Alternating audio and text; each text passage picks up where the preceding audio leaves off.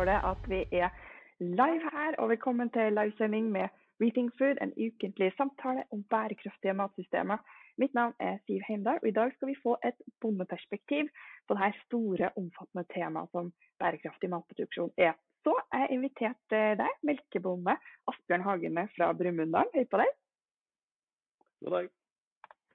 Så um, det er jo litt viktig, siden vi da prater om maten, at vi også får uh, en bonde med på samtalen. Vi har prata med bønder før, men, uh, men det tenker det er en viktig del av, uh, av det vi driver på med.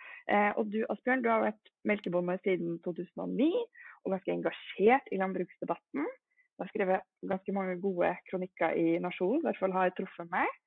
Eh, hvor du er vel ganske sånn ærlig på hva kostnaden til den egentlige altså, de kostnadene til hva den billige matproduksjonen er. og Det skal vi komme tilbake til. hvis det har ja, gode perspektiver på det. Men før vi liksom går inn i det litt sånn eh, uh, tunge, alvorlige, kan vi ikke bare få sånn melkeproduksjon fordømmes i dag? Jeg er ganske sikker på at mange av de som hører på, de er kanskje ikke melkebønder eh, og har bare sånn vag idé om hva det egentlig går i. Så um, ta en liten introduksjon eh, av deg sjøl, og så kan du gi oss en liten sånn eh, ja, rett og slett norsk melkeproduksjon for dummies etterpå.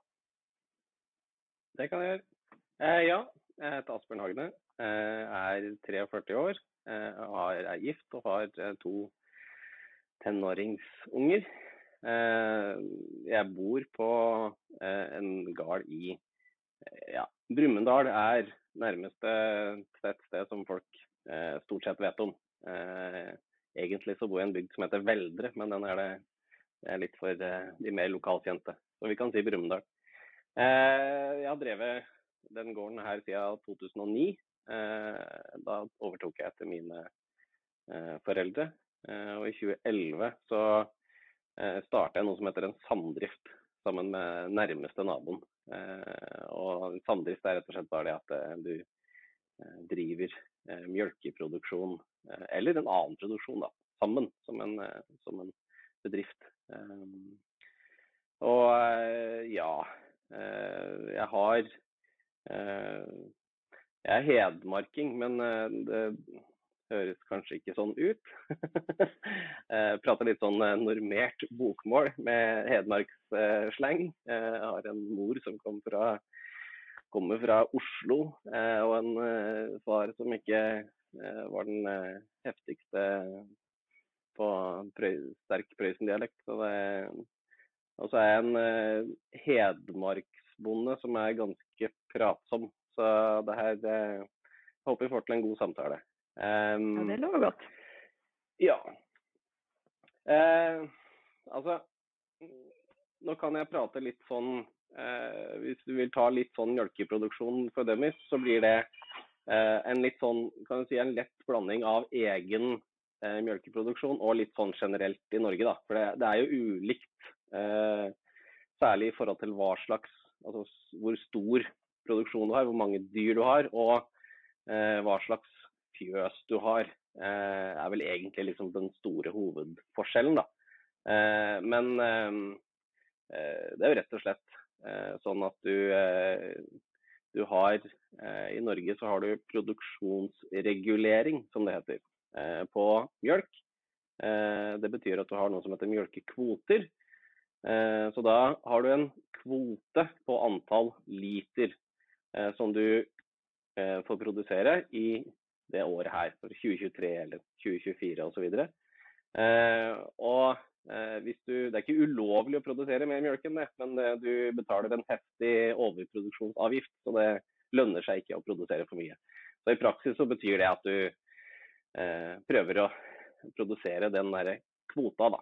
Eh, så da kan det endre en, seg fra år til år, den kvota? Det kan, eh, det kan endre seg, ja. Eh, både fordi at de her mjølkekvotene kan man kjøpe og selge. og man kan Eh, leie ut og leie inn. Altså det er, eh, det er en omsettbar, eh, omsettbar vare, om du kan kalle det det. da. Så det er mulig å kjøpe mer i melkekvote for å øke produksjonen sin, eller selge. Eller det er mulig å leie en melkekvote av eh, naboen eller noen eh, innenfor samme fylke da, for å øke. Eller leie ut. så, men Og kua, kua eter jo stort sett gras, det må jeg få lov til å si. det er litt sånn Det er mye myter ute og går om hvor mye soya f.eks. som norske kyr eter. Men hovedmengden, hovedvolumet i hvert fall, det er gras eh, som er høsta inn. Eh, enten som eh, rundballer, som de fleste kjenner til, som ligger rundt i jordekanter osv. Det er liksom blitt hoved. Det, det, er den vanligste måten å høste inn gresset på i Norge i, i 2020 ja, nå om dagen, da. Det er rundballer. Eh, så er det noen som legger det i silo, som det heter. Da, i, i, litt eldre fjøs så var det som et tårnsilo. Da har du på en måte en kjempediger eh, Kall det en diger sylinder eh, inn, inni låven eller på utsida av låven som du bare putter alt gresset ned i. Eh, litt mer vanlig, moderne versjon av det er det som kalles plansilo. Da legger du rett og slett gresset på bakken og pakker det sammen. Eh, aller helst eh, innafor noen vegger av eh, betong. sånn at du Men det er gras som er på en måte hovedmaten til kua. og så si, sper man på med kraftfôr, som det kalles. Kraftfôr er jo i all hovedsak korn. og i all hovedsak korn som er produsert i Norge. og så har man importerer man en del råvarer til kraftfôr eh, fordi vi ikke klarer å produsere det sjøl i Norge, eller fordi at eh, eh, noe er det noe vi ikke klarer å produsere i Norge i det hele tatt. Da. Eh, vi ikke får til. Eh, men eh, Og så, så, har du jo den kanskje hovedforskjellen, da. Den, den, store hovedforskjellen er om du driver et båsfjøs eller et løsdriftsfjøs. Eh, båsfjøs. da står kua eh, mjølkekua i hvert fall. Eh, de yngre dyra kan ikke være eh, bindet opp. Eh, de må gå løst i linger eller osv. Men mjølkekua står da eh, på bås, som vi kaller det. da. Står bindt fast på én plass. Eh, der har du liksom liggeplass og spiseplass osv. Og, og så går du da rundt og mjølker én og én ku Eh, hver morgen og hver kveld. Eh, sånn basically. Eh, løsdriftsfjøs, da har du Da går mjølkekua løst i fjøset. Du har de aller, aller, aller, aller fleste har da en sånn liggebåser, en liggeavdeling, hvor kua kan legge seg ned. Og så har du et fòrbrett der kua kan gå og spise gras. og så har du Eh, en mjølkerobot, hvis du har det som mjølkesystem, eh, en måte å mjølke på. Eh, der går kua og blir mjølka og får kraftfôr. Eller så har du den andre måten å løse på er noe som heter mjølkestall eller mjølkegrav. Da har du en egen avdeling der du setter på mjølkemaskina sjøl, gjerne på en kanskje mellom fire og ti kuer samtidig. da. Sånn at du så, eh, og skal vi si det veldig grovt og veldig enkelt, eh, så fra eh, i vinterhalvåret det er jo litt sånn flytende. Det er ganske stor forskjell på om, om du i om du driver melkeproduksjon i, i eh, sør, sørlige Agder, eh, eller om du driver det i Finnmark. Eh, men i den delen av året hvor du hvor det ikke er eh, grønt ute, kan vi si det så enkelt, da, eh, så, så er, står dyra inne.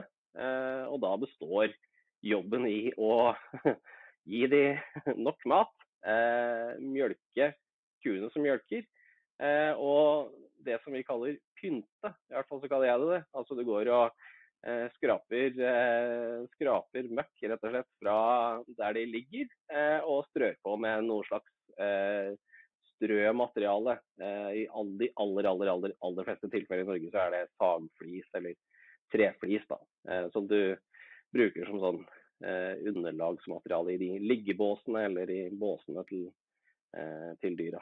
Eller i binger osv. Så, videre. så har du båsfjøs eller sånn løsdriftsfjøs med mjølkegrav, så er det du som mjølker kua, skulle jeg på å si. Så det er jo det en del av hovedjobben. Har du mjølkerobot, så er det den som tar seg av den jobben, og da blir det litt mer sånn sørge for at det ikke er noen kuer som av en eller annen grunn ikke har gått og blitt mjølka i roboten. Eh, og det er litt mer i et sånn mjølke et løsdriftsfjøs med mjølkerobot, så blir det litt mer eh, management og litt mer gå og passe på at eh, dyra sjekke at dyra har det bra. For det er en del ting som går litt mer automatisk. I et sånn båsfjøs så gjør du litt mer av jobben sjøl, da. Mm. Og i dukkestamdrift så er det melkerobot dere har? Vi har eh, melkerobot, ja. Riktig. Mm. Så da er det jo for melkeprodusent i dag, og du må ha en kvote. Det er ikke bare å kjøpe seg en gård, du må ha, du må ha kvote også. Og så mm. må du da ha noen dyr. det er helt. Uh, og um, hvor mange kyr er det dere uh, har spist på? Ja, altså, ettersom vi skulle ta det her litt sånn for dummies, så jeg tenkte jeg skulle unngå den her vanlige landbruksmåten uh, å si det på. For Da ramser du opp uh, hvor stor kvote du har og hvor mye jord du har osv. Nei, vi har uh, ca. 50 mjølkekyr. Det er en enkel måte å si det på. 50 mjølkekyr er det Eh, det er det vi har. Mm. Det er glad for, fordi det er tonnene og sånn, det, det syns jeg er veldig vanskelig å forstå. Jeg bare, Vi ja. melka i liter, Hva, hvorfor snakker du ikke om tonn? Det skjønner jeg ikke. Det, det vet jeg egentlig helt. For det, det blir det, det, er vel fordi at eh, Skal vi si det, forklare det på en litt kjapt, da. Eh, mjølk har høyere egenvekt enn vann. Og derfor så har man liksom i utgangspunktet pleid å si en kilo mjølk Eh, fordi at en kilo mjølk er eh, bitte lite grann eh, Altså det er mindre enn en kilo vann.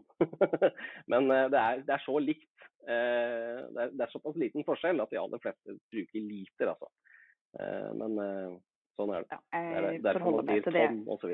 Ja. Ikke er sånn stor matteekspert, så det er best å forholde seg til en til antall kyr, det skjønner jeg, mm. og, og, liter. Men da, du må også da ha en kvote, og selvfølgelig ha melkekyr. Mm. Og så må du ha nok fôr til dyra. Ja. Altså, en stor del av jobben er å få tak i nok eh, gras. Og så er det de store ja.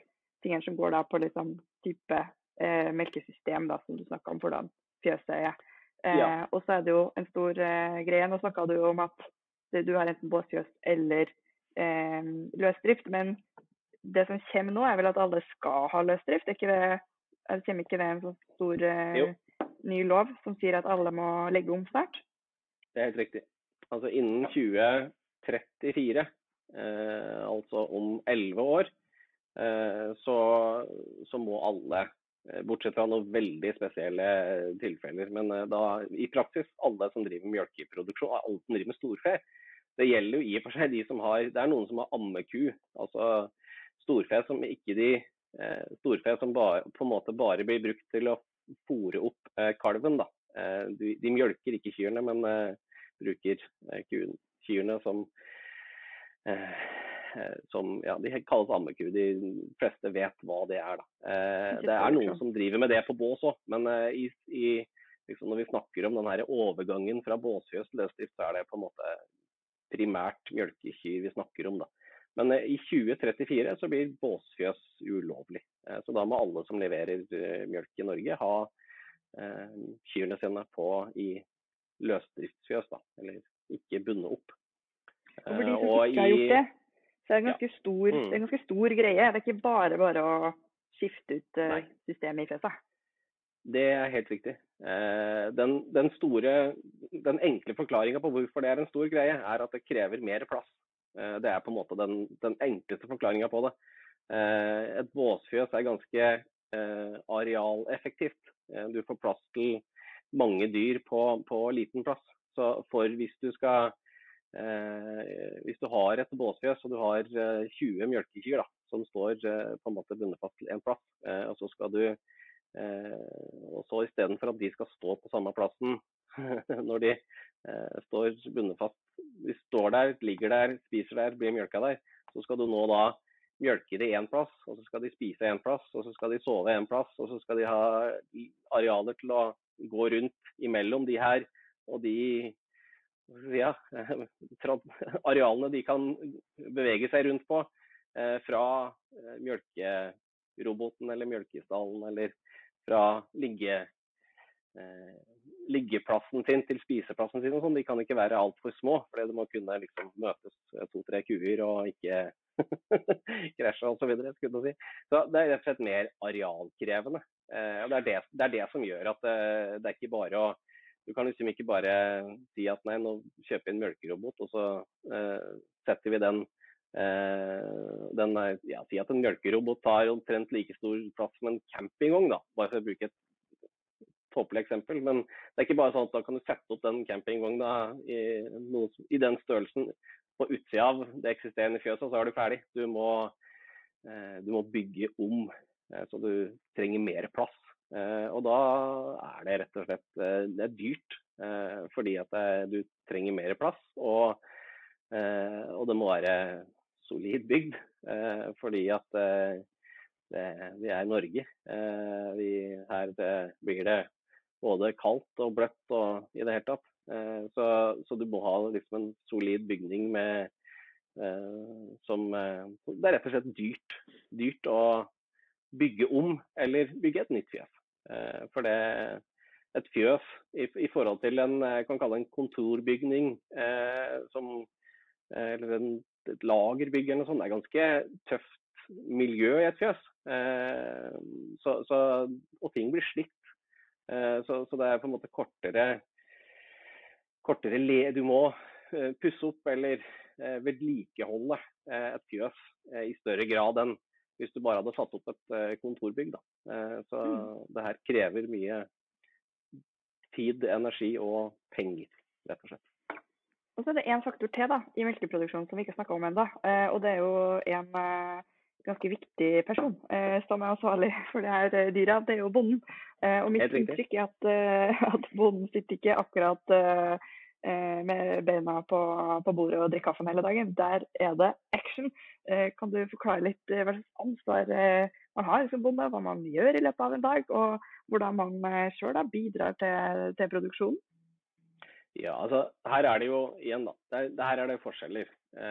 For det igjen, det, er på en måte å drive en en eh, sportsbutikk vil jeg tro er ganske likt om du gjør det i Stavanger eller i Tromsø eller i, i Tynset. Men, eh, men, eh, så her er det jo forskjell på om du driver et lite båsfjøs på en si, bratt og våt vestlandsgård, eller om du driver et stort løsdriftsfjøs med mjølkerobot i Østfold osv. Men de aller, aller, aller, aller, aller fleste mjølkeprodusenter jobber mye. Eh, nå er jeg med i en den her såkalt samdrifta. Jeg driver sammen med naboen. Så jeg, sånn sett har jeg organisert Vi har organisert oss. og, eh, og vært rett og slett litt heldige da, eh, at vi har gjort det. Men, eh, så vi, vi kan eh, fordele sånn at vi steller annenhver helg f.eks. Men uh, de aller fleste melkeprodusenter driver uh, for seg sjøl, da. Og da er det Du har såkalt avløsertilskudd. Altså du får tilskudd fra staten til å leie inn noen til å hjelpe deg, sånn at du kan få, få litt såkalt ferie og fritid. At du har muligheten til å ta deg en, en ferie og ha litt fri i helger osv. Men Eh, det er ikke nok til at eh, det blir så veldig mange eh, dager fri. Det betyr rett og slett at du jobber stort sett hver eneste dag, morgen og kveld. For det, de dyra her trenger stell morgen og kveld. Og det jeg ikke har sagt noen ting om, de aller fleste melkeprodusenter har å si, sånn, Jeg merker at det er et tema som begynner å bli omstridt, men de aller, aller, aller fleste melkeprodusenter tar fra eh, kalven eh, fra kua si, med en gang den er født. Eh, og Da er det du som bonde som står ansvarlig for å fôre den kalven da, eh, med mjølk eh, fram til den er ja, to-tre måneder ca. Så, så, du må Dyra skal ha mat, eh, kuene skal mjølkes. kalvene trenger eh, mjølkefòring, de som er så små at de drikker mjølk. Eh, og du må, ja, som jeg har sagt, begynne å passe på at alt der ute er eh, de, fleste, de, aller, aller, aller, aller, aller fleste deler det opp i to, to stell. Da. Liksom et stell på morgenen og et stell på ettermiddagen. Eh, og, så, og, det er jo på en måte bare, bare fjøset. Eh, så har du jo alt det andre i tillegg. Eh, I sommerhalvåret, eh, da det er grønt ute, skulle jeg til å si, eh, så er det jo det her eh, grasproduksjonen. Vi bønder kaller det gjerne grovfôr. Grovfôr er egentlig alt annet enn kraftfôr. Du kan Halm, som er da liksom resten av kornproduksjonen, kan du også kalle grovfôr. Vi, vi, kan si gras i den sammenhengen her, ettersom vi kjører litt sånn dummies-versjon. Eh, men eh, du skal dyrke det dette gresset. Eh, og det er jo både Altså, dyr skal ut på beite. Det er ikke strengt lovpålagt at alle mjølkekyr skal ut og beite så og så mye, men de skal i hvert fall ut. De aller, aller fleste har mjølkekyrne også ute på beite, men andre dyr skal også ut. Altså det vi kaller ungdyr. da unge eh, eh, unge, ja, ungdyr, sier seg sjøl. Eh, det er fra, fra, de her slutter å være kalver til de blir, eh, har fått sin første kalv, så kan vi kalle det ungdyr. Og de skal ut. Det er det rett og slett lovkrav om. Så på sommerhalvåret så er det liksom det det går i hvis du tenker mjølkeproduksjon. da. det er jo mange som driver med litt andre ting i tillegg til mjølkeproduksjon. Noen har kanskje litt korn, eller noen har eh, kanskje noen ammekuer, eller noen har kanskje noe sau eller et eller annet sånt i tillegg. Men hvis du tenker ren mjølkeproduksjon, så er det å skaffe, eh, skaffe det her graset eh, til vinteren. Eh, ordne beiter eh, til dyra. sørge for at de har dyra er gjerda inne. Det er ikke alltid en liten jobb, bare det. Eh, og til, tilsyn med de her eh, ungdyra da, som går ute. Eh, og så er det og de her dyra produserer jo en del gjødsel i seg sjøl. Eh, rett og slett eh, nå, nå, høres det tåpelig og vanskelig nesten tåpelig å si det sjøl, men tiss og bæsj. Nå er vi på ja. grunnleggende nivå. Men altså kumøkk, ja, ja. eh, mm. husdyrgjødsel kaller vi det på fint. Mm. Eh, det er jo en ressurs. Eh, men den, da, eh, den, brukes jo som eh, gjødsel til gresset, da. Men den skal ut. og den skal ut til innafor visse datoer. Og den innafor visse holdt på å si, Du har litt begrensninger på hvor mye du kan bruke på, på et jorde osv. Så, videre. så sommerhalvåret til en mjølkeprodusent eh, går jo gjerne med på den grasproduksjonen eh, og alt det innebærer. Og så har du da jeg holdt på å si, fjøs og mjølking av dyra i tillegg. Da. Så den er ekstra hektisk. Mm.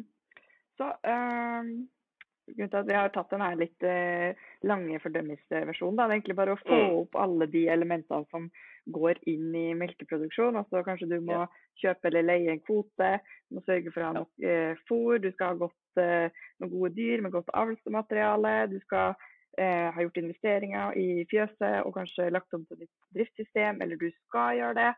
Eh, og ikke minst det, det arbeidet som bonden gjør da. Og så er det jo da det store spørsmålet, fordi man gjør ikke det her for gøy. Eller noen syns jo litt veldig gøy òg, da. Men eh, man, det er jo jobben din. Man skal jo få noe betalt for den jobben. Så da lurer jeg på hva får du betalt for melka? Eh, nå kan jeg si litt mer eh, sånn eh, litt sånn generelt, da. Fordi det er jo forskjell på eh, hva du betalte. Nå skal jeg bare do dobbeltsjekke at jeg har det helt riktig her. Eh, du får jo individuelt betalt eh, per gård for mjølka di. Altså eh, du har en sånn slags grunnpris, og så får du betalt i forhold til kvaliteten på mjølka, om mjølka er av god kvalitet. Og, hvor, og innholdet i mjølka. Altså du får betalt for hvor mye fett og protein det er i mjølka di. Så, så melk er ikke bare melk? Melk er ikke bare melk. Eh, for å si det veldig enkelt, eh, jo mer fett jo mer fettholdig mjølka de er, jo høyere fettprosent, og i og for seg jo høyere proteinprosent, jo mer fett og protein mjølka de inneholder, jo bedre betalt får du. Eh, og så er det litt forskjeller på når på året man er. Man har større etterspørsel etter mjølk på, på sommerhalvåret, eller man vel ikke større etterspørsel, men det er eh, fortsatt en god del som ikke mjølker kyrne sine på sommeren. Eh, så det er eh, stort behov for mjølk på sommeren. Så du får litt bedre betalt for mjølka som du leverer i sommerhalvåret enn i vinterhalvåret.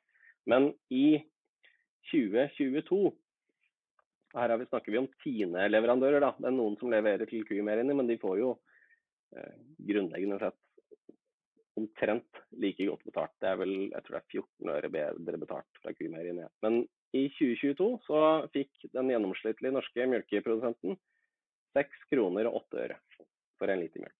Det var liksom gjennomsnittsprisen ja. i 2022. Og nå er jeg inne på oda.no og bare ser eh, nøyaktig hva en eh, liter med melk koster der. Og en liter mm. eh, med her er det skumma melk, som dukker opp øverst. Det er mm. 1770 eller 17 90 da, per time ja. Eh, for, en, eh, for, en, liter. Så du får betalt seks kroner.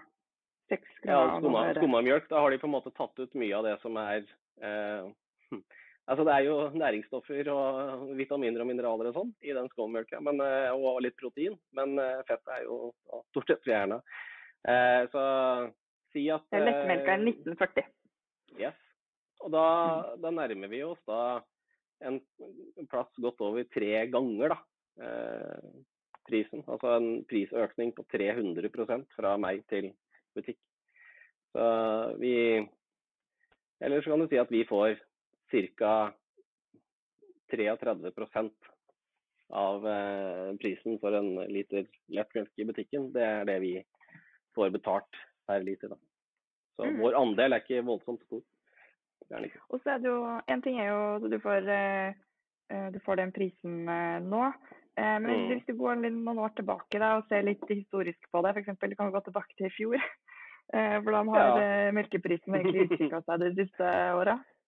Nei, altså det som er litt tragisk, eh, syns jeg, som melkeprodusent, det er at eh, prisen har gått ned fra i fjor. Eller det blir litt sånn uh, mellom fra, fra, 2021 til 2022 så har faktisk melkeprisen gått ned. I 2021 så var mjølke, gjennomsnittlig melkepris 6 kroner og 26 øre. Uh, og i uh, 2020 så var den 5 kroner og 95 øre. Så på to år, da, for å si det enkelt, to år med pandemi og ett år med krig i Europa, så har mjølkeprisen gått opp 13 øre. Eh, fra 5 kroner og 95 øre i 2020 til 6 eh, kroner og 8 øre i 2022. Jeg syns ikke det er en voldsomt stor økning. De regner med at de fleste eh, som følger med, som ikke er bønder, har merka at det er en del ting som har økt i pris i samfunnet. Den herre inflasjonen, som det kalles, den har i hvert fall vært på betydelig mer enn det melkeprisen vår har gått opp. Så det syns det er rett og slett en et stort problem for norske melkeprodusenter. Eh, vi, vi, klarer ikke å eh, Vi har eh, vi får for lite betalt for melka vår, rett og slett. Mm. Men Hvis du går litt enda litt tilbake, og da, fordi det er jo, det er på en måte et større bilde som tegner seg, tegner seg også. Det, jo, det, har ikke vært den eh, kjempestore eh, prisutviklinga selv hvis du går ti år tilbake i tid. Nei, altså vi kan si at fra Vi kan gå åtte år tilbake i tid. Da er vi i 2015.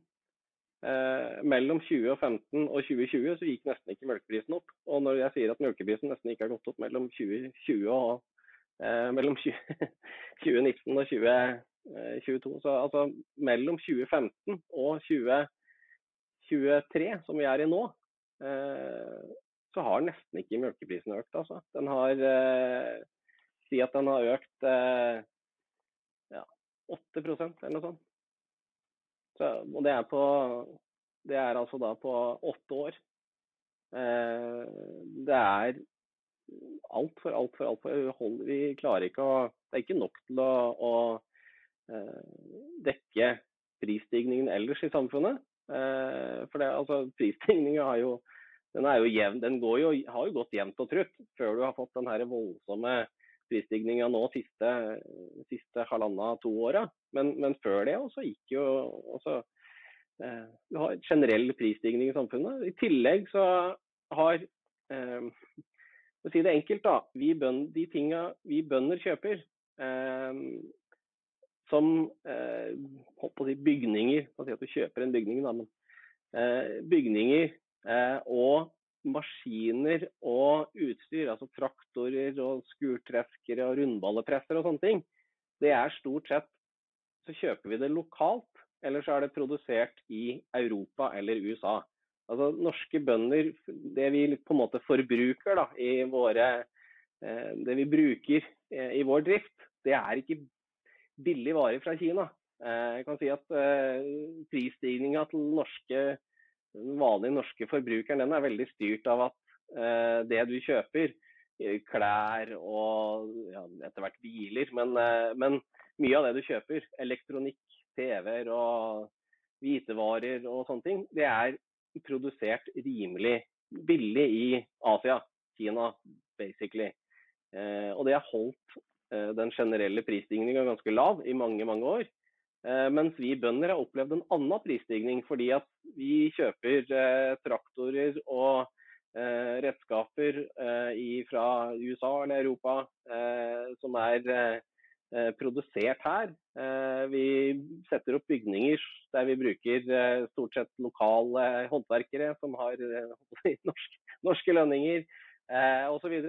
Så, så i tillegg til at mjølkeprisen vår, da, for å si det så enkelt, mjølkeprisen ikke har, følt, har holdt følge med den generelle prisstigninga, så har eh, vi kan kalle det bondens prisstigning vært enda høyere.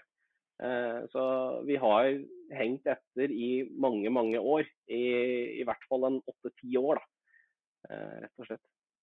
Og da lurer jeg på hvorfor det? Hva er, hva er det som skjer? Har, jeg skjønner at det er ikke noe sånn enkelt eh, svar her, men eh, har du en sånn idé om hva det er som er årsaken til, til den situasjonen man er i nå?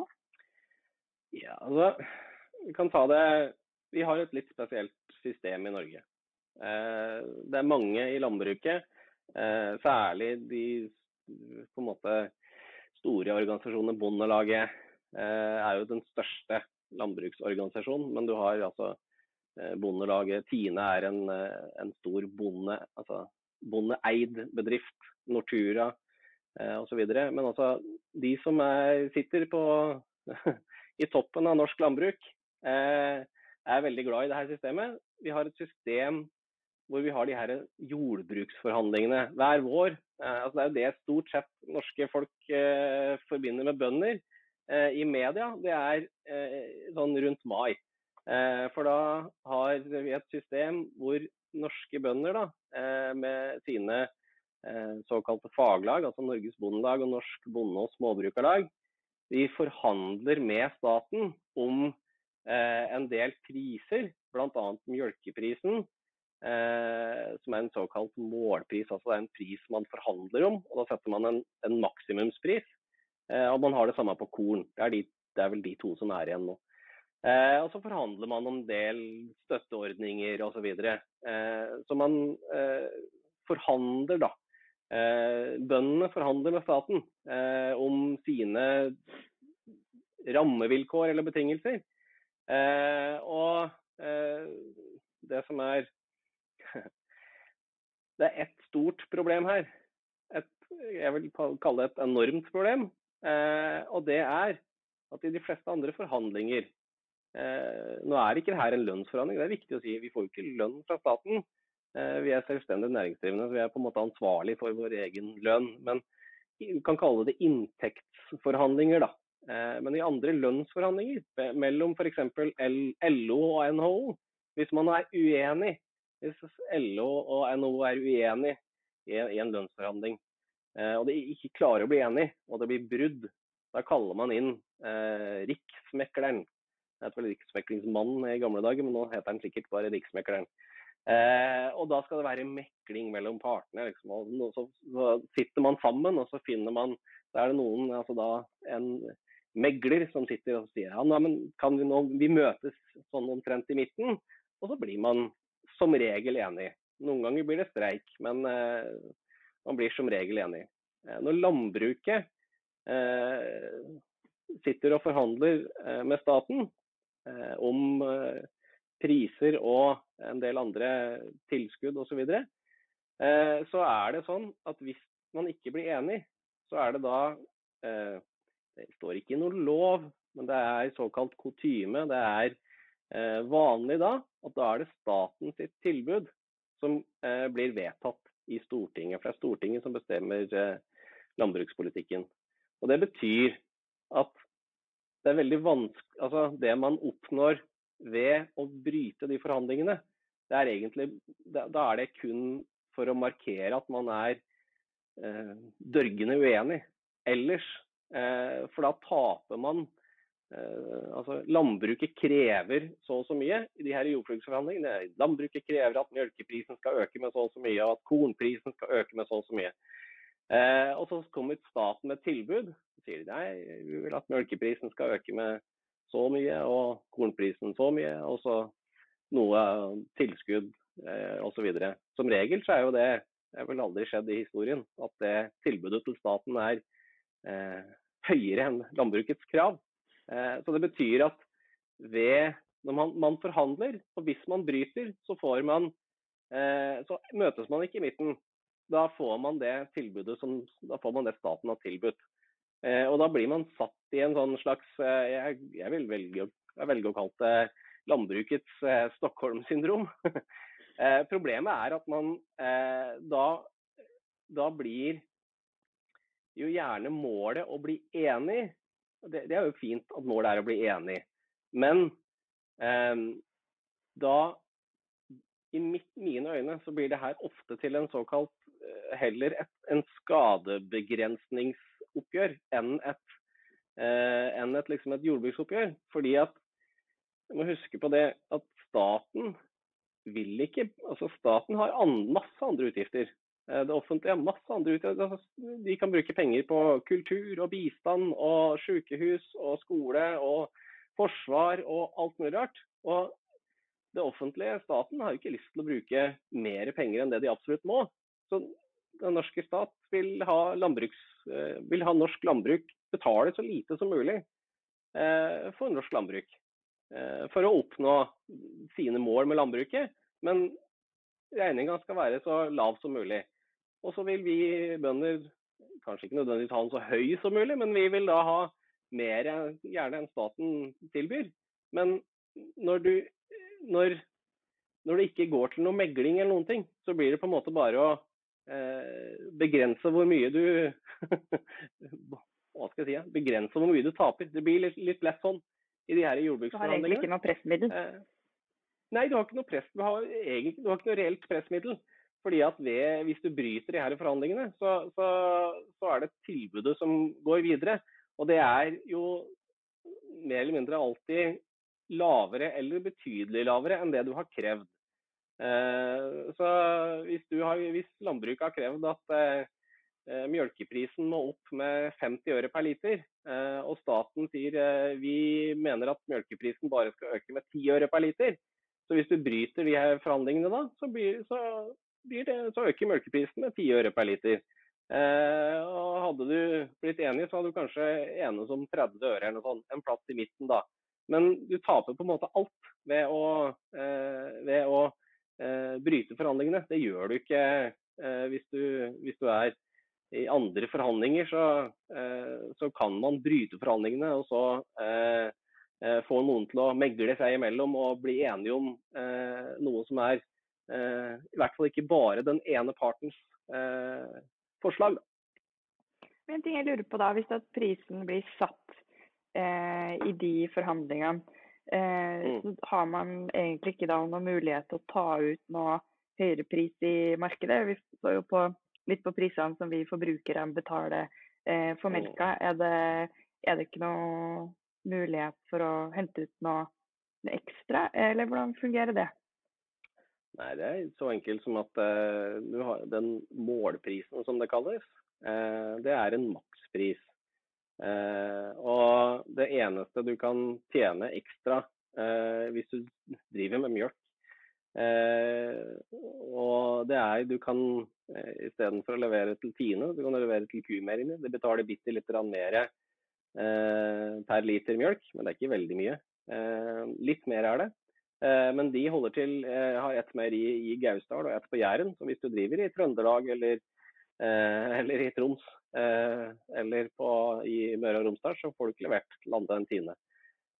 og den eneste andre muligheten, det er altså Du kan levere, legge om eller drive økologisk. Da. Og levere økologisk mjølk, den får du litt bedre betalt for. Men da har du Det er et regnestykke, eh, for det er en annen si, en, en, litt annen type drift. Og det er ikke gitt at det er noe som du tjener veldig mye på.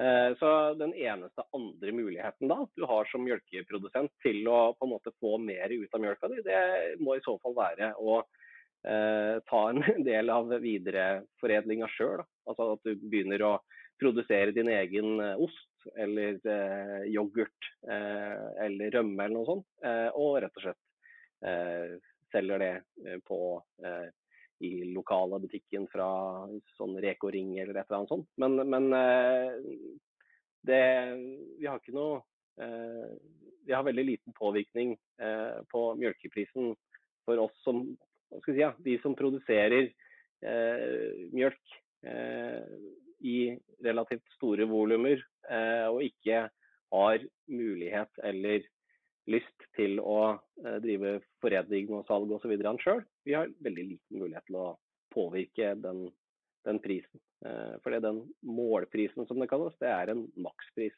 Det er ikke en minimumspris.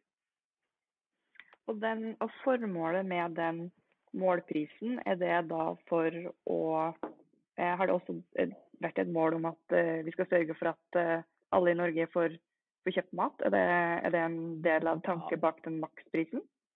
Det er nok det. Uh, det her systemet som vi Det her med jordbruksforhandlingene og, og my, mye av det her kom på plass like etter andre verdenskrig. og da, da var rett og slett målet til den norske stat, holdt jeg på å si, å, å få eh, sørge for nok eh, mat til det norske folket. Eh, og rimelig mat til det norske folket. Altså, eh, for det, da skulle Norge bygges opp eh, etter krigen. Og målet òg var eh, i stor grad å, å effektivisere landbruket. For man trengte arbeidskraft til liksom, å bygge landet og industri osv. Men, men målet med de her prisene som Før så var det flere. Det har blitt For å si det enkelt Det som kalles de prisene man forhandler med staten om, de har blitt færre og færre pga. internasjonale handelsregler. Eh, og, og, hvordan man regner ut eh, støtte osv. Så, videre. så i gamle dager så var det flere priser man forhandla om enn det, det, er nå. Nå er det igjen De, de to store er mjølk eh, og korn. Men, det, men eh, det har vært både svinekjøtt og storfekjøtt og lammekjøtt osv. Eh, men, men målet med de, å ha de her jordbruksforhandlingene og ha eh, priser som man forhandler sammen med staten om osv., det har vært nok og billig. Altså få maten så rimelig som mulig, og nok mat til Norges befolkning. Så enkelt.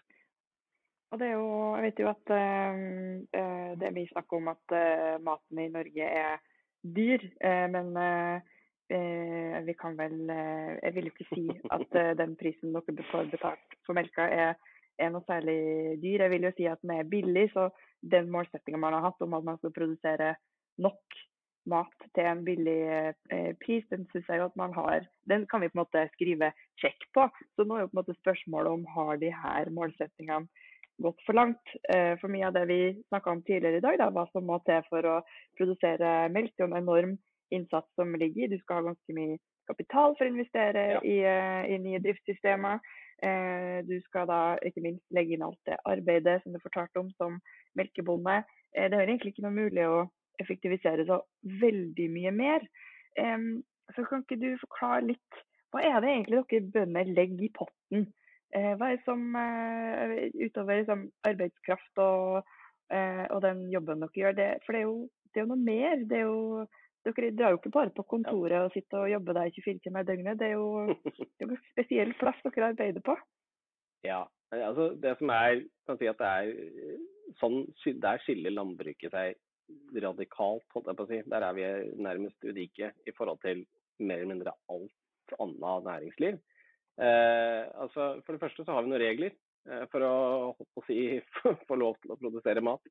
Eh, så har vi noen krav også. Og du har boplikt. Og du har driveplikt.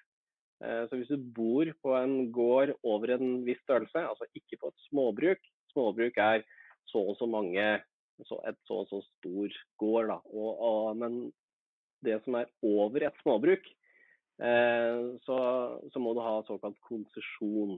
Eh, og Det betyr rett og slett at eh, du er pliktig til å enten bo der, eller at noen andre bor der. Men de aller, aller, aller, aller fleste bønder bor på, på gården sin. Ja, du er pliktig å drive jorda.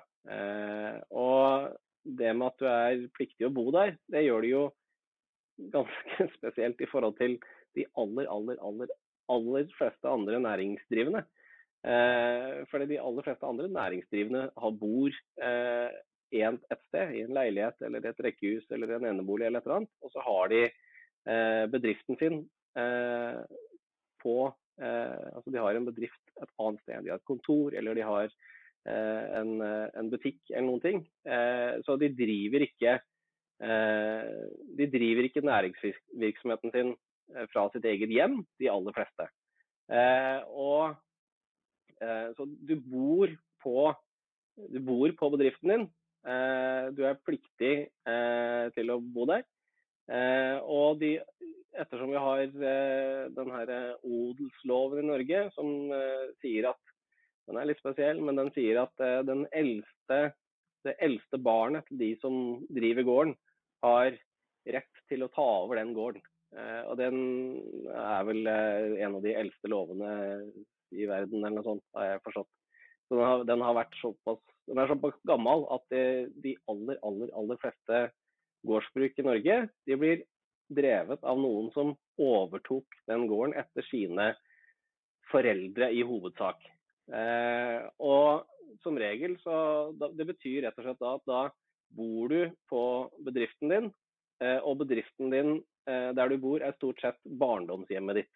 Og gjerne kanskje hjemmet, barndomshjemmet til dine foreldre òg, kanskje. I hvert fall en av de. Eh, så, så, også I tillegg så er eh, de aller, aller fleste eh, bønder organisert som selvstendig næringsdrivende. Altså, eh, det må Du kan skille ut drifta på gården og, og, og, ha det som et aksjeselskap, men det er det nesten ingen som gjør. Så de, I hvert fall de som driver melkeproduksjon eller driver med, med liksom sau eller sånne ting. Det er noen få som driver kjempestort med grønnsaker og sånn, som har sine egne AS. Men de aller fleste er da enkeltpersonforetak, som det heter. Eh, og da eh, jobber du og bor eh, og eh, har bedriften din tilknytta samme plassen. Eh, og når du er enkeltpersonforetak, så du, altså, går det dårlig med deg, eh, så har du ikke Da har du som regel lagt alt i potten. Eh, både hus og hjem og barndomshjem og eh, osv. Så, så Så hvis det går dårlig økonomisk, eh, hvis det går elendig økonomisk i et AS, i verste fall, eh, så går du konkurs, da. Eller slår, slår deg konkurs. Eh, og da, ja, det er klart, du i verste, verste, verste fall så kan du måtte selge huset, men de, i de fleste tilfeller Nå er ikke jeg så god på generelt næringsliv, men eh, de færreste mister liksom hus og hjem da, eh, hvis du driver et eh, aksjeselskap og det går dårlig. Men hvis du som bonde hvis det går dårlig som bonde, så mister du på en måte Du, kan, du risikerer å miste hus og hjem og barndomshjemmet ditt. Og mange har fortsatt eh, kanskje både én og to generasjoner til boende på gården. Altså kjenner, kjenner folk som har både sine foreldre boende på, eh, på gården, og kanskje til og med eh, noen besteforeldre boende på gården. Eh, så du, du, legger jo på en måte veldig mye i den, den potten. Da. Du kan risikere å miste, miste hjemmet til eh, tre generasjoner eh, med folk. Eh, så det, det, er derfor man Det står så mye mer på spill da, eh, for, for, veldig mange eh, enn en rett og slett bare bedriften. Altså Der driver du et, et AS og eh, klart du har lagt inn egne penger og du legger ned mye arbeidstid. og det er, eh, du, det er, du taper en hel haug med penger og gjerne litt personlig prestisje. Men eh, eh de fleste tilfellene så må du ikke flytte fra barndomshjemmet ditt, og foreldre må flytte og osv. Så sånn sett er det ganske spesielt. Tror, det tror jeg er et perspektiv som veldig mange ikke tenker på. Eh, i, eh, i denne eh, debatten. Og da med det ansvaret, da. Altså du har ansvaret for mange dyr. Du har ansvar for det hjemmet, fra gården, for bedrifter. Og så jobber du hele tida. Du er kontinuerlig på jobb. Og så er bonden i tillegg en ganske ensom jobb når du får til de som driver i samdrift. da. Det blir ganske mm. mye på én person. så for meg bare høres ut som man har lagd en trykkoker. Eh, og bare venter på at det skal eksplodere. Ja. Og du har jo vært uh, ærlig sjøl og vært ute i Nasjonen og fortalt om hva den kostnaden egentlig er for å produsere mm. mat så billig som mulig. Vil du fortelle litt om den uh, opplevelsen du har vært igjennom?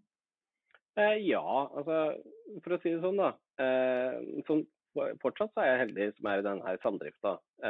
de aller fleste driver ikke samdrift, og da er det må bare påpeke det at eh, altså, ikke bare jobber du eh, stort sett, stort sett hver eneste dag. Eh, altså, du, du, har den her såkalte avløsertilskudd, eller tilskudd til ferie og fritid, som gjør at du kan leie noen eh, til å ta en del av jobben. Men, men altså, du, du, har ansvar for, som mjølkeprodusent, eller bonde med husdyr, så har du ansvar for levende dyr. Og det har du 24 timer i døgnet. Eh, og, og sjøl om du da leier inn noen til å eh, hjelpe deg å stelle fjøset en helg, eh, skjer det noe akutt, så, så, så, må du bare stille opp. Altså, du, du, kan ikke bare utsette det til du kan ikke utsette det til mandagen eller til neste uke eller et eller annet. Eh, hvis, det, hvis, du da er på Hvis du er på Eh, er på tur eh, ut på ferie, og kuene bryter seg ut og rømmer eh, nedover bygda, så kan du ikke bare sånn Nei, men det tar jeg. Vi tar det etter ferien. så du, du, er på du er, Og så er du på vakt hele tida. særlig ettersom det nå mye Altså effektivisering dra, det, blir lang, det blir en lang samtale med meg. Effektivisering det er å bytte ut arbeidskraft med eh, maskiner eller automatikk. Eh, og vi har effektivisert noe voldsomt i norsk landbruk eh, siden hesten ble overtatt av traktoren. Altså Vi har effektivisert i 120-30-40 år. Eh, og det, hold, og det, er, det, betyr jo da i praksis at eh, for min egen del, eller for vår, de som driver landbruk i dag, de driver Eh, det er færre og færre som produserer eh, omtrent like mye mjølk. Eh, altså Vi produserer om, altså omtrent like mye mjølk da, som vi gjorde for, en, for, for, mange år siden. Det har gått ned litt. men sånn, hvis vi ser veldig grovt på det, så produserer vi sånn grovt sett like mye mjølk. og den blir produsert av stadig færre bønder, fordi vi har effektivisert. Og det er stadig færre bønder som eh, produserer mer og mer ved hjelp av eh, maskiner og automatikk. Eh, og det betyr at du har eh, stadig større ansvar. Altså du har ansvar eh, for større og større drift. Eh, og der min, eh, mine foreldre, når jeg vokste opp, eh, når jeg var åtte-ti år på 80-tallet, der mine foreldre var da hadde drev begge to. Begge to drev på gården. Og i tillegg så hadde de Eh, en eh, ansatt som var med, ikke 100% men ganske mye. Eh, så, så er det jo igjen Jeg holdt på å si er det igjen meg, da. Fordi at man har effektivisert bort den arbeidskrafta. Og, og i tillegg så den her effektiviseringa Vi må på en måte produsere ettersom vi ikke kan det er på en måte et slags tak. da. Vi har det her kvotesystemet. ikke sant? Så jeg kan ikke øke produksjonen min eh, hvert eneste år og beholde, de, og beholde på en måte arbeid for, eh, for de samme folka.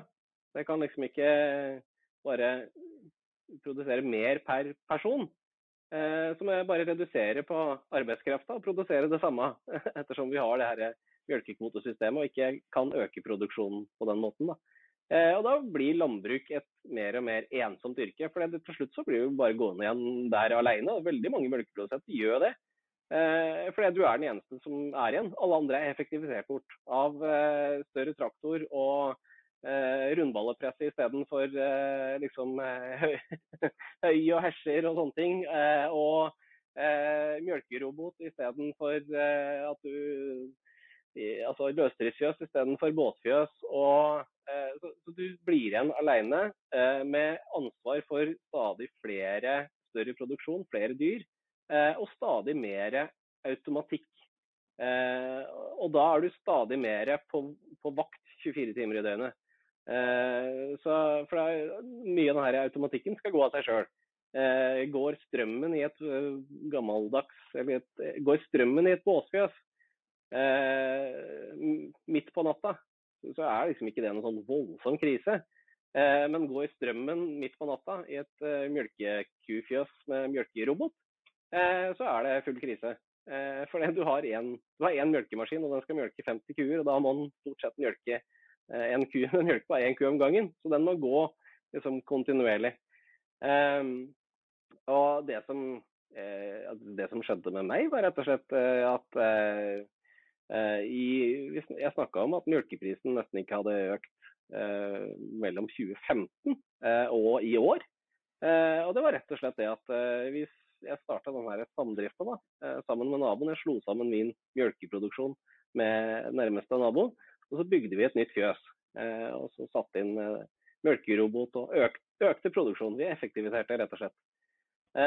og i starten, det her var i 2011, så i første tre-fire åra da, 11, 12, 13, 14, så, så var det Det gikk liksom bedre enn vi hadde planlagt for. og Vi, vi fikk bedre resultater enn vi hadde regna med. Eh, og var, Da var det liksom en ren bonus. Eh, men da, eh, i den perioden, så økte liksom mjølkeprisen da, jevnt og trutt. Eh, så vi, vi holdt i følge med prisstigningen og sånne ting. Så eh, vi havna liksom ikke bakpå der. Men så begynte ting å stagnere, samtidig som, eh, som eh, den her prisen som vi bønder betaler for ting, den begynte å øke noe voldsomt. Så liksom 2015-16 og utover, da var det rett og slett sånn at da eh, Mesteparten av det vi kjøpte inn eh, av særlig tjenester, da, eh, rundballepressing f.eks., leier vi inn. Eh, men han som presse rundballer for oss. Han måtte jo øke prisen, for det traktor- og rundballpresser blir dyrere. Plast som pakker inn rundballen blir dyrere, osv. osv. Eh, og så da, ja, så, sånn grovt sett, fra 2015 og framover, så forsvant liksom den her arbeids... Altså den gleden ved å drive som bonde, den forsvant mer og mer. Fordi at det gikk fra eh, Det å være mjølkeprodusent gikk fra at du hvis du gjorde det bedre enn du hadde planlagt, så var det på en måte en bonus. Da kunne du eh, ta ut litt høyere lønn, eller du kunne eh, nedbetale litt ekstra på lån, eller du kunne eh, investere i noe redskap eller et eller annet sånt. Og så hadde du på en måte en litt sånn økonomisk handlefrihet. Eh, til at du måtte drive nesten perfekt for at du ikke skulle gå i minus. Altså ikke gikk jo ikke med dundrende tap, men, men eh, hva skal jeg si, baseline for at du skulle kunne eh, tjene det du hadde forutsatt, den blir, blir stadig høyere og høyere. Du må på en måte drive Du må liksom være helt du må være helt oppe der. Alt må være liksom helt perfekt for at du eh, For at ting skal gå rundt. Eh, og da Det blir på en måte sånn jag. Eh, sånn hva skal vi kalle det? Perfeksjonsjag. Alt må stemme. For hvis det ikke stemmer, så, så går det dårlig. Eh, mens det liksom i starten så var det sånn at da eh, Ja, hvis, hvis, det liksom var, eh, et, var det et år hvor du fikk litt dårlige avlinger, så tålte du det. Du måtte, det var liksom ikke full krise, det var ikke noe artig. Men, men, eh, men eh, gjorde du det bedre enn forventa, så var det sånn Yes, nå, nå kan vi unne oss litt bedre lønn eller et eller annet sånt. Eh, og så eh, skal jeg være ærlig på at de fleste som ser eller hører på deg, husker kanskje 2018. I hvert fall så gjør vi bønder det. Eh, da var det, det, liksom det store tørkeåret i Norge eh, over store deler av Norge. Eh, særlig her på Østlandet var det stor krise. Så da, det slo ganske hardt inn. Og da, og da, var det rett og slett For egen del så var det det første Altså fra ja, i sommerhalvåret, sånn når du kommer litt ut i ja, midten av juni og litt utover, så var det liksom det første du eh, Slutten av juni, kanskje, til eh, langt ut mot høsten. Det første du tenkte på om morgenen, eh, var å sjekke værmeldinga. Er det meldt noe regn der? Er det meldt noe regn der? Eh, og det siste du sjekka før du la deg om kvelden, det var eh, Yr var vel eh, den mest brukte appen på telefonen min da, i 2018. Eh, og, det, og, det, var liksom en sånn konstant Og det får du ikke gjort noen ting med. Altså Været får du virkelig ikke gjort noen ting med. Det kan du ikke påvirke i det hele tatt. Eh, så det slo ganske hardt på psyken, rett og slett. Eh, å gå på en måte og bekymre seg sånn. For det, da, er det, da er det snakk om har du nok Vi snakka om det graset her som kuene skal ete på, på, i vinterhalvåret. Eh, og det må du ha nok av. Eh, ellers så, ellers så, i verste fall, så må du slakte, slakte dyr. Eh, kvitte deg med dyr fordi du ikke har nok fôr. Eh, så det var rett og slett en sånn eh, Da gikk det virkelig Det hadde liksom gått og blitt mindre og mindre jeg synes det var mindre og mindre artig å gå i fjøset, fordi alt måtte være perfekt hele tida. Og du måtte løpe stadig fortere for å på en måte holde følge eller tjene det samme som du gjorde året før. Til å i tillegg legge oppå den her tørkeåret Eh, nå fikk vi jo en del vi fikk støtte osv., så, videre, så vi klarte oss igjennom. Vi gikk liksom ikke dundrende eh, vanvittig underskudd eller noe sånt, men eh, det tok på. Eh, så, men som sagt, økonomien Mjølkeprisen har holdt seg har nesten ikke økt. Så, og vi som driver ganske stort, har 50 kuer og driver her i Brumunddal, som er litt sånn sentrale Østlandet. Vi skal leve av det er meninga at vi skal leve av markedet, som det heter. Altså, vi skal stort sett tjene penger på å, å selge mjølk, ikke tjene penger på eh, subsidier. Eh, så vi som driver stort, vi skal på en måte eh, klare oss av eh, produktene vi selger. De som driver mindre og der det er liksom brattere og kaldere osv., får en del ekstra subsidier fordi det er vanskeligere eh, å drive. Eh, men når vi som lever av markedet, Eh, ikke får økt prisen noe særlig, så endte det til slutt opp at eh, jeg som da hadde vært heltidsbonde, altså bare bonde, eh, mellom 2009 i høsten 2020 så tok jeg på meg en ekstrajobb fordi at vi måtte gå ned på lønna i denne samdrifta såpass mye at jeg måtte ta meg jobb ved sida av. Og da klarte jeg å dra på meg en 100% ekstra jobb. Og det var eh, både var det mye, eh, altså det var på en måte litt kanskje for stor stilling ekstra. Eh, og så var det en veldig altså en type stressende jobb, eller en jobb med mye stort arbeidspress. og, og mye eh, altså Det var liksom en, var en kontorjobb hvor du hvor det var veldig tempo og eh, press. Eh, sånn at eh, da møtte jeg den her, kjørte rett inn i den her såkalte veggen, da, som mange sier. Så møtte veggen. Jeg møtte den i ganske høy hastighet. Så da ble jeg ja, man kaller det utbrent eller utmatta eller ja. Det mange, finnes mange ord på det. Eh, så, det skulle nesten egentlig bare mangle. Jeg skjønner ikke hvordan du skulle unngå å ikke bli det, for å være helt ærlig. Nei, men det er, altså, det er, mange, det er mange bønder som jobber fryktelig mye. Eh, og, og, etter at jeg Altså, jeg sto da fram, som det heter. Eh, litt tilfeldig, men da ble jeg intervjua av Nationen osv. Eh, og etter at jeg gjorde det, så jommen var det mange som altså både kjente, for meg kjente, og totalt ukjente, som tok kontakt med meg ja, og kjenner meg så igjen, og jeg er nesten på grensa sjøl. Eller eh, folk som du kjenner òg, kanskje ikke nære venner, men altså sånn skal jeg si, eh, Facebook-kontakter og sånn. Folk som du har liksom hatt litt kontakt med i mange år.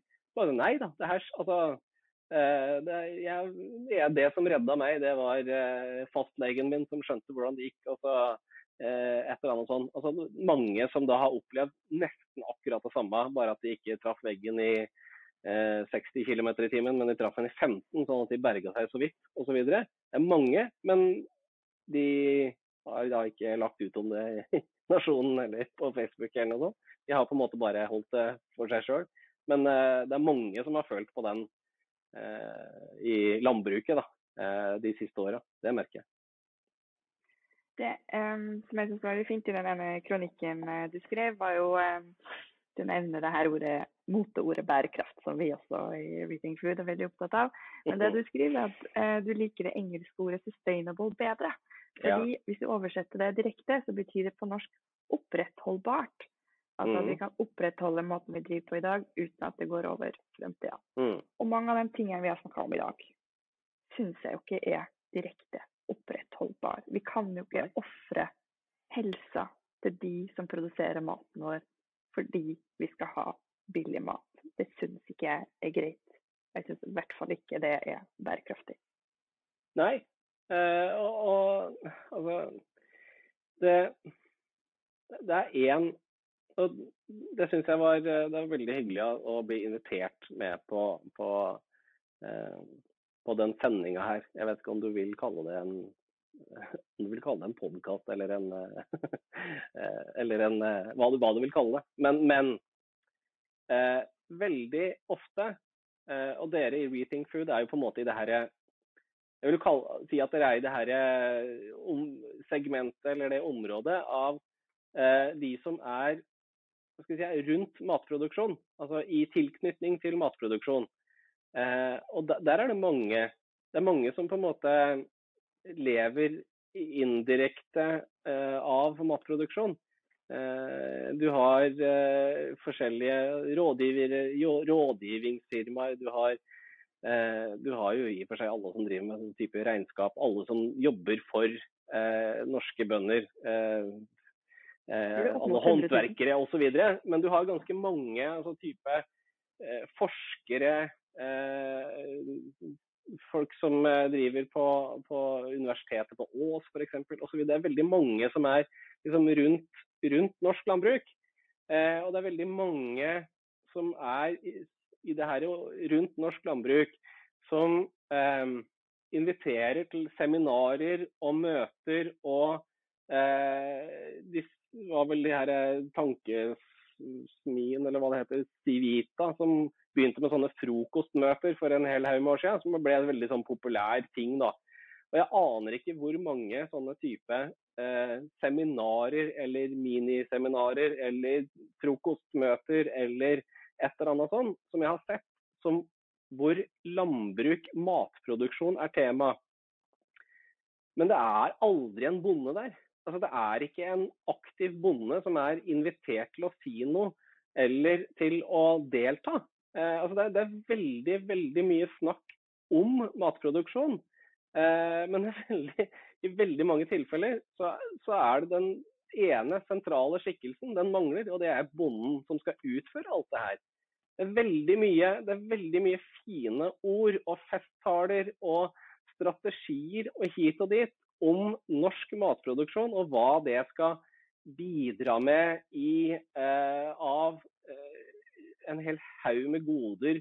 Eh, kulturlandskap og levende bygder og bosetting og eh, biodiversitet og karbonlagring og alt mulig rart. ikke sant? Og nå, vi, og, nå begynner vi å snakke om eh, nye måter å produsere eh, fôr på. ikke sant? Vi skal kanskje klare å produsere eh, for, dyrefôr av skog istedenfor av, eh, eh av eh, så, Produsere proteiner fra eh, tang og tare eller fra skogsavfall istedenfor å kjøpe inn soya osv. osv. Vi snakker om agritech. Eh, eh, om en hel haug med nye typer roboter som skal kjøre ut på jordet osv. Men det store mennet her det er jo no, altså, Alt det her baserer seg på at det finnes bønder i Norge av en viss mengde som har penger til å betale for det her. For I de aller fleste tilfellene så er det vi som betaler for det. Altså, det er vi som, skal, vi som skal kjøpe det her nye dyrefòret. Det er vi som skal kjøpe de her nye eh, robotene. Det er vi som skal eh, gjøre jobben. Men eh, det ble satt ned et eh, utvalg, offentlig utvalg. Grytten-utvalget ble det kalt. Eh, den har en del hørt om. I hvert fall ganske kjent i norsk landbruk. Det ble satt ned pga. at man skulle finne en måte en, en, måte å beregne norske bønders inntekt på. Eh, og det, de har vi kan si veldig mye om det. Vi kunne hatt en to-tre timers på, uh, samtale om det. Det skal vi ikke. Hovedfunnet der, for å si det enkelt, vi gikk gjennom skattetallene, skatteregnskapet, til alle norske bønder. Nesten 40 000 norske bønder, 36 500 norske skatteregnskap til bønder. Og i 2020 så tjente norske bønder 212 000 kroner per årsverk. Altså 212 000 kroner, og det skal dekke alt, altså jobb i 1845 timer. Og så skal det dekke alle penga som vi har satt inn i drifta. Eh, så vi får 212 eh, 000 kroner i gjennomsnitt. For to år siden så fikk vi 212 000 kroner for å produsere mat i et år. Og stå for all, all, alt som trengs for å produsere den maten. Og for å ta et eksempel, da. Hvis du skal kjøpe, nå snakker vi melkeproduksjon, så kjøper du overtar du gården, da. Si at du overtar gården etter dine foreldre. Eh, og den gården her har et eh, eh, båsfjøs. Du kjøper gården for fem millioner. Du, kjøper, du betaler altfor lite i forhold til det den egentlig er verdt, men du betaler fem millioner.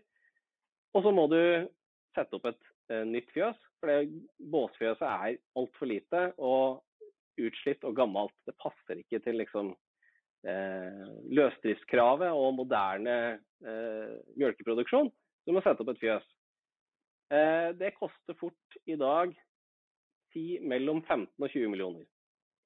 For å få opp fjøset, kanskje du må få kjøpt eller leid litt mer mjølkekvote.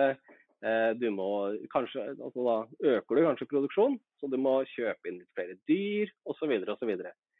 Eh, og da er du da kanskje ung, da, eh, sånn si at du er rundt 30, og så har du, så har du til og med kanskje skaffa deg en unger. Så da har du en småbarnsfamilie som sitter igjen med en personlig gjeld på 20-25 millioner.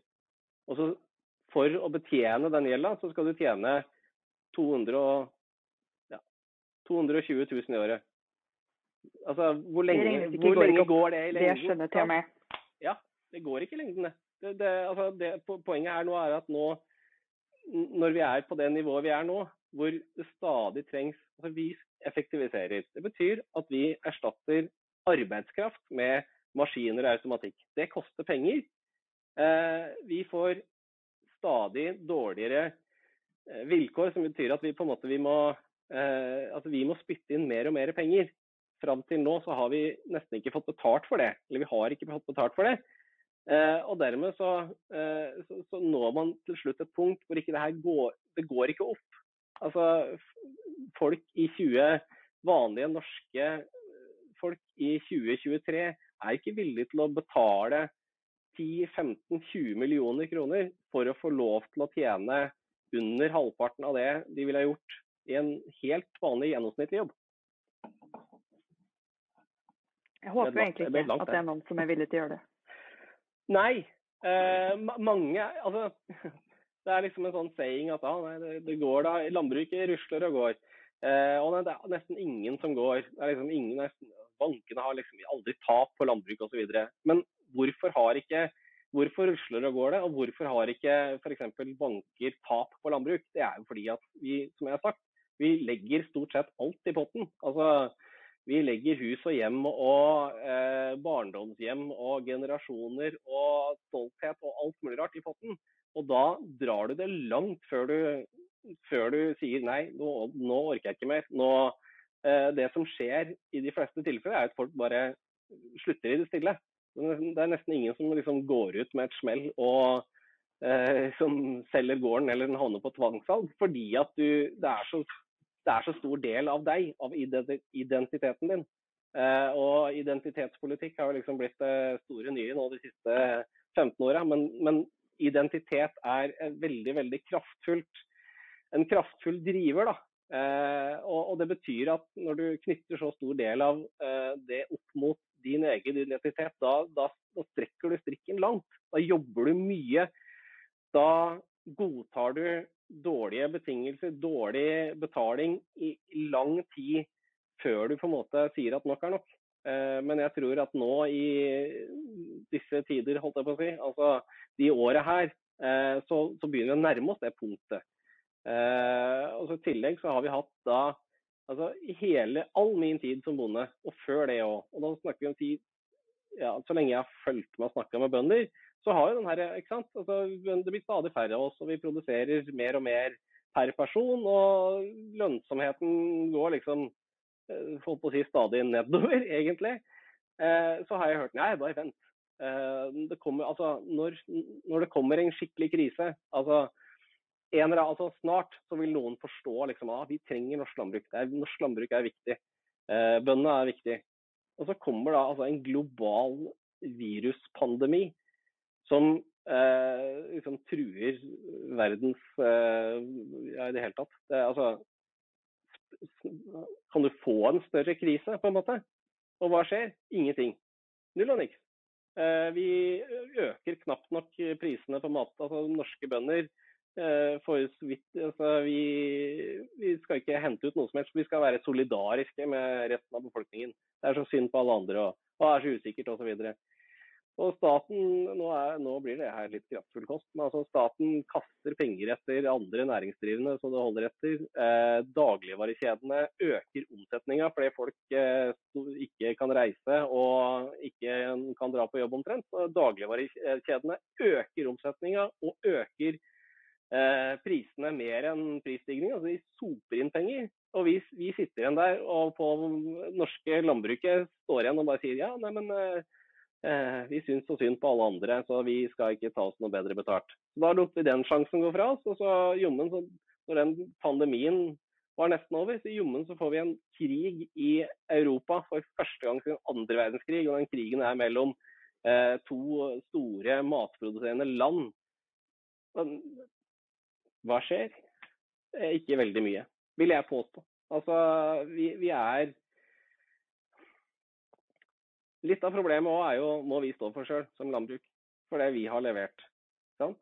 Eh, I siste 50 åra. Altså, vi har bare levert, vi.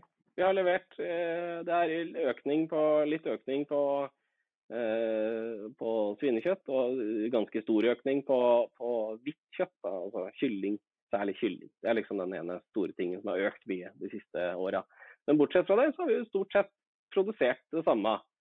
Det er ikke noen sånn vanvittig stor forskjell på hvor mye eh, mjølk eller storfekjøtt eller lammekjøtt eller korn vi produserer nå, som vi gjorde for 30 år siden.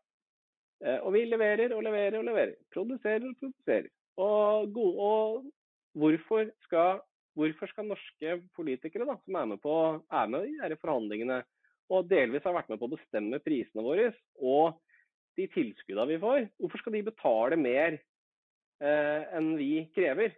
Eh, hvorfor skal de legge ut mer penger, når vi bare leverer og leverer og leverer og leverer? og leverer? Og så innimellom da, så kjører vi litt traktor, og så går vi i Oslo med noen plakater, og så sier vi at ja, å, krise. Og så, og så blir det litt overskrifter, og så blir det en eh, par Dagsnytt 18-debatter. Og så året etter så leverer vi det samme. Så vi, må, vi skal skylde oss sjøl for at vi havna der vi er. Ja, jeg tror da Håper jo da at tida er inne for å, for å tenke litt uh, nytt. Og så vet jeg jo at det er nye, nye runder hvert år, som en god anledning til å, til å gjøre det. Um, vi må avslutte der nå. Jeg tror vi har, vi har slått rekorden for den ja. lengste livesendinga. Så den kan vi klappe oss sjøl på, på skulderen for. Så Ola Edstein har litt å bevise i neste, neste runde. Men eh, tusen takk for um, gode refleksjoner og fin prat. Jeg håper jo at de som har hørt på, eh, kanskje har gjort seg noen andre tanker og begynt å reflektere litt om det du har fortalt. De har i hvert fall lært mye om norsk melkeproduksjon som de ikke visste. Det er helt Det får vi håpe. Eh, tusen takk for muligheten til å være med. Og jeg er eh, Vi har jo snadra den rekorden. Så det alle har jo nå sett og hørt at eh, ingen fare å få meg i tale. Så hvis det er noen som er har lyst til å diskutere landbruk og lære litt mer om landbruk, så er det bare å du vil på sende på en melding eller slå på tråden og prate ja. i timevis. jeg. Og legge på en femmer, det. Så går ja. det ja, men det er bra. Tusen takk for praten. Jo, ha det godt. Ha det godt.